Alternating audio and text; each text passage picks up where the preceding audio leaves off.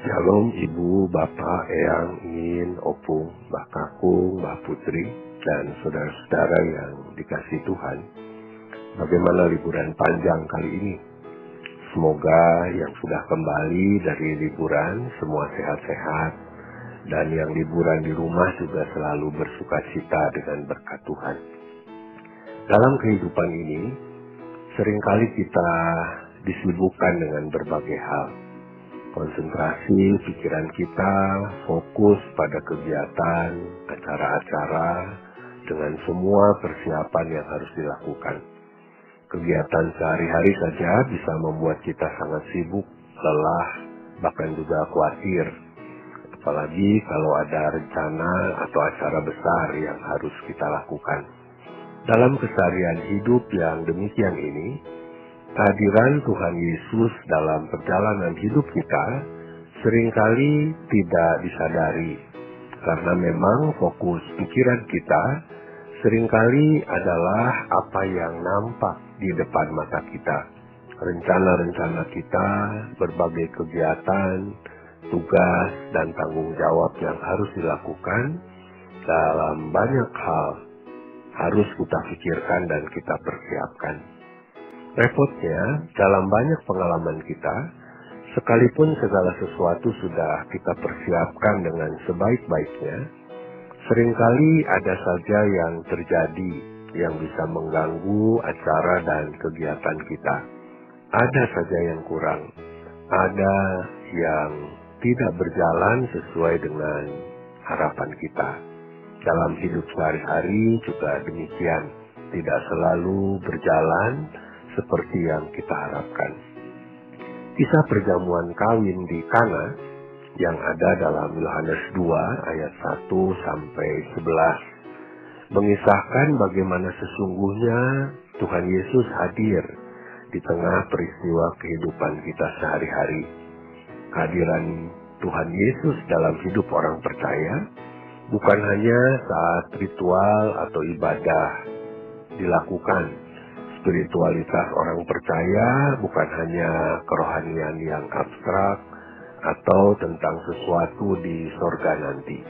Tuhan Yesus hadir dalam perjamuan kawin di Kana.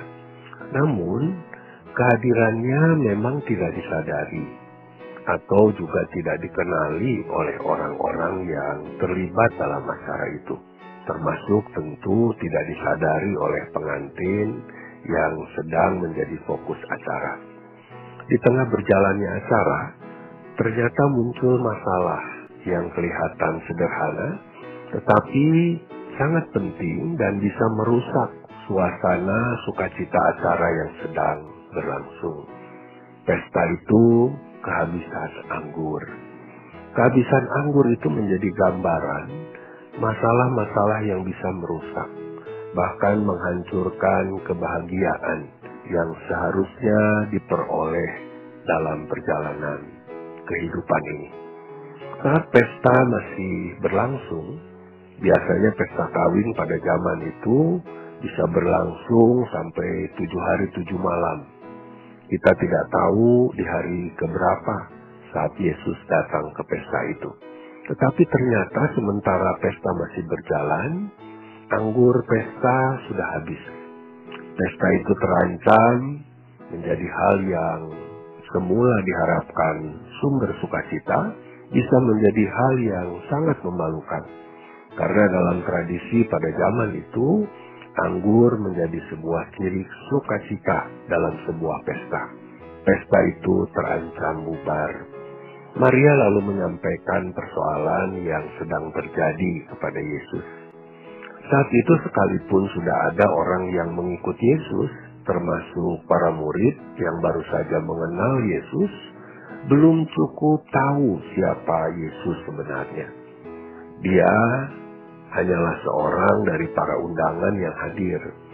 Yesus bukan siapa-siapa, yang bisa menjadi fokus perhatian dari orang-orang di tengah pesta saat itu.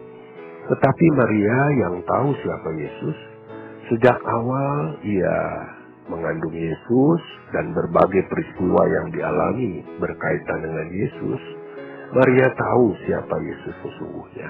Dan karena itu, Maria segera meminta para pelayan yang ada untuk mengikuti saja apa yang Yesus katakan. Di dalam ayat yang kelima dikatakan, Ibu Yesus berkata kepada pelayan-pelayan, apa yang dikatakan kepadamu, buatlah itu. Ada enam tempayan besar dengan kapasitas masing-masing lebih dari 100 liter. Ini tempayan yang dalam masyarakat Yahudi biasanya digunakan untuk air pembasuhan kaki dan tangan sebelum orang masuk ke dalam rumah untuk makan dan minum. Yesus meminta para pelayan mengisi tempayan-tempayan itu dengan air. Dan air itu berubah menjadi anggur. Malah kualitasnya tidak kalah atau malah lebih baik dari anggur yang disediakan di awal pesta.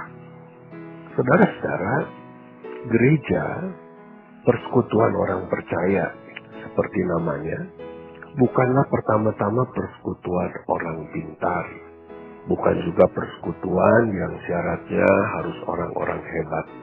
Tetapi persekutuan orang percaya yang mau menuruti apa yang Yesus perintahkan. Mungkin orang-orang yang bukan siapa-siapa yang Tuhan pakai. Tuhan bisa memakai siapa saja. Orang yang mau mendengar, dan menjadi sarana bagi kemuliaannya. Bahkan lebih dari itu, kita juga melihat bukan hanya orang, simbol yang diperlihatkan tempayan, barang yang di setiap rumah tangga ada menjadi tempat air basuhan kaki dan tangan, ternyata bisa dipakai Tuhan menjadi tempat anggur yang berkualitas untuk menyatakan kemuliaannya. Saudara-saudara yang Tuhan kasihi, tidak ada orang percaya yang tidak bisa dipakai oleh Tuhan untuk mengambil bagian dalam karya Tuhan di tengah-tengah kehidupan ini. Yang dibutuhkan adalah telinga yang mendengar dan kesediaan untuk mengikuti perintahnya. Sekalipun kita semua semakin bertambah usia, semakin banyak keterbatasan, tetapi selalu ada kesempatan untuk mengambil bagian dalam karya Tuhan. Lakukan saja apa yang Tuhan perintahkan. Tuhan memberkati kita semua. Amin.